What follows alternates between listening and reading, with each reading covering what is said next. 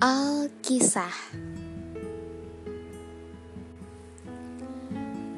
Di sebuah kota kecil, ada seorang petani yang sedang duduk di tepi sawah. Dia duduk sambil memandangi sawahnya yang luasnya tidak seberapa itu. Di samping sawah tersebut ada juga ladang miliknya. Di ladang tersebut, ia menanam pohon rambutan, pohon sirsak, dan mangga. Hatinya sangat senang melihat pohon-pohonnya akan segera panen. Sambil menghitung berapa banyak buah yang akan dia ambil keuntungannya, tiba-tiba ia melihat seekor tupai meloncat dari satu pohon ke pohon lainnya. Lalu muncullah kesedihan dalam hatinya bahwa tupai akan merusak panennya tahun ini. Sementara itu, di tengah ladang, Raja Semut Hitam yang melihatnya segera mengumpulkan pasukannya untuk mengusir tupai tersebut. Jadi, semut hitam berbaris dari akar pohon yang paling bawah sampai batang pohon yang paling tinggi. Tupai yang melihat semut hitam berbaris langsung pergi dari pohon ladang tersebut. Konon, semut hitam adalah musuh dari tupai. Karena kekompakan semut hitam itulah, maka tupai tidak berani dengan semut hitam. Petani tersebut lalu penasaran, mengapa tupai tersebut pergi dari ladangnya? Padahal dia sudah yakin bahwa tidak akan ada yang bisa menangkap tupai. Tupai adalah binatang yang sangat pandai dalam meloncat. Karena kepandaian itulah, maka petani menjadi rugi karena panennya banyak dirusak oleh tupai. Lalu petani tersebut mendekati pohon itu dan melihat semut yang berbaris di pohonnya. Petani tersebut sangat bersyukur karena semut hitam telah berhasil mengusir hama tupai dari ladangnya. Kisah ini mengingatkan kita pada sebuah peribahasa bahwa sepandai-pandai tupai melompat, pasti jatuh juga. So, tidak ada orang yang sempurna di dalam dunia ini, bukan? Tapi teman-teman, jika kita memposisikan diri kita sebagai semut. Kadang kita suka merasa bahwa, ih, aku kecil ya, ih, aku tuh gak ada apa-apanya, ih kok dia pinter banget ya, kok aku bodoh banget sih di dunia ini. Sering gak sih kalian mengalami hal seperti ini? Nah, kalau udah mencium bau-bau minder seperti ini, ya pasti anak milenial udah pada kenal banget nih yang begini. Yap, insecure. Udah banyak ya jutaan, ribuan, bahkan motivator di luar sana tuh bicarain tentang insecure. Tapi di podcast kali ini gue pengen concern ke apa yang harus lo lakuin ketika insecure itu datang ke kehidupan lo. Karena klise memang kalau kita bahas tentang insecure, tapi gak banyak dari kita itu sering banget ngalamin itu. Dan kadang kebingungan kalau udah kayak gini tuh harus kayak gimana sih? Mungkin gue mau bahas sedikit. So langsung aja check it out. Poin pertama. Cing cing ubah mindset. Ya insecurity kan lahir ketika lo membandingkan diri lo dengan orang lain secara berlebihan kan? Nah di sini ada pengen yang gue lurusin mem tentang membandingkan. Memang terkadang untuk suatu hal yang positif, kita harus banget buat melihat ke atas kita. Misal ke si A, si A ini rajin banget ya ibadahnya. Atau si A ini orangnya bersih, rapih gitu. Nah, itu secara nggak langsung bakal bikin diri kita ini terupgrade gitu. Karena kita selalu melihat hal yang positif ke atas. Tetapi apabila ketika kita membandingkan diri kita dengan orang lain dan itu akan menjatuhkan diri kalian kalian nggak secara nggak langsung menjudge diri kalian sendiri itu yang harus kalian stop. Karena kalian sudah mengalami signal-signal insecure itu sendiri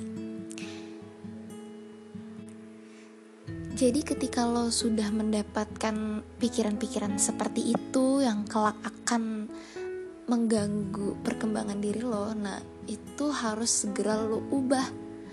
Ketika lo bandingkan diri lo ambil positifnya dari orang lain kemudian transfer ke diri lo dan jadikan itu pecut sehingga impactnya itu akan mengupgrade diri kita bukan malah menjudge diri kita sendiri poin kedua jeng jeng. Banyak-banyaklah bersyukur. Kalau gue sebagai muslim di Quran sih udah diterangin ya. Kalau lakod kan lakod kholaknal insana fi ahsani takwim Sesungguhnya kami telah menciptakan manusia dalam bentuk yang sebaik-baiknya. So, apalagi coba yang harus kita kufuri? Kita itu udah paling sempurnanya makhluk yang diciptain. Ya gak sih? Coba bandingin sama hewan harusnya sih nggak ada alasan lagi buat nggak bersyukur tapi gini deh kadang tuh emang syukur itu uh, gampang banget buat diucapkan tapi nyatanya sulit buat dilakuin misalkan banyak juga sih kan yang bilang kayak gue tuh udah coba gitu buat bersyukur tapi gimana coba Nah, kalau gue sih sedikit tips dari gue mungkin coba deh lo belajar mengecilkan standar bahagia lo maka di situlah step awal lo akan memperbesar rasa syukur. Misal gini, uh, hari ini gue bisa makan nasi pakai tempe, wah itu udah alhamdulillah banget deh, gitu. Dari situ kan, walaupun lo cuma makan itu, sementara teman-teman lo misalkan bisa makan yang lain yang lebih enak, daging atau apa, tapi lo di situ udah merasa senang dan bersyukur karena lo sudah mengecilkan standar bahagia lo, gitu. Semoga kita bisa sama-sama melakukan ya. Min. Next. Poin ketiga. Cari hal-hal yang buat lu confident. Basically, kita emang confident. Dari TK kan kita suka teriak-teriakan, kejar-kejaran kan, kagak tau malu. Semakin besar tuh tapi intensitas kita berhubungan di kehidupan sosial tuh makin tinggi. Jadi mulai dah tuh omongan-omongan orang-orang masuk ngacak pikiran prinsip kita gitu nah yang badnya dari sini adalah ketika hidup lo tuh termonitoring sama orang lain dikit-dikit mikirin kata orang malah nggak jarang kita kadang butuh gitu pengakuan seseorang. Nah di situ sih yang uh, muncul-muncul insecure di diri kita gitu. Walaupun emang ada baiknya juga sih memikirkan kata orang buat jadi bahan muhasabah kita gitu.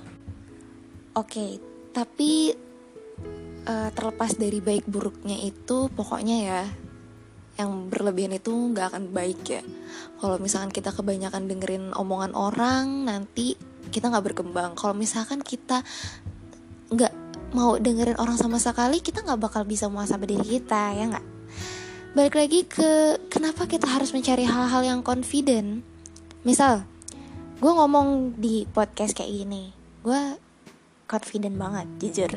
Tapi kalau misalkan gue di kelas misalkan gue disuruh kerjain soal apa aja dah nilai gue tuh pasti nggak pernah bagus coy. Karena gue emang nggak bisa tipikal orang yang duduk kerjain soal pasti fokus gue bakal terpecah ngeblank kayak gitu dan lain-lainnya segala, segala macam lah pokoknya. Gue pernah mengalami kayak insecure kayak ya bodoh banget sih masa kayak gitu doang nggak bisa gitu kan. Tapi ya balik lagi ketika gue mencari hal yang confident seperti ini gue seperti ke charge lagi kalau uh, gue menemukan hal yang bikin gue apa ya uh, terisi full gitu. Jadi gue tuh masih ada gunanya gitu di dunia ini. So pesan gue buat teman-teman semua pokoknya ketika lo punya sebuah potensi ya udah lo dalemin itu kembangin terus potensi lo biar lo nggak kayak ngejudge diri lo kayak lo nggak berguna gue yakin pasti kalian semua punya potensi kalian masing-masing so jangan pernah ukur kesuksesan lo sama penggaris orang lain terakhir ada sebuah quotes yang gue kutip dari Alfie Insecurity kills you inside a little. Now it's your time to kill insecurity. Gue Asma, thank you sudah mendengarkan bercerita.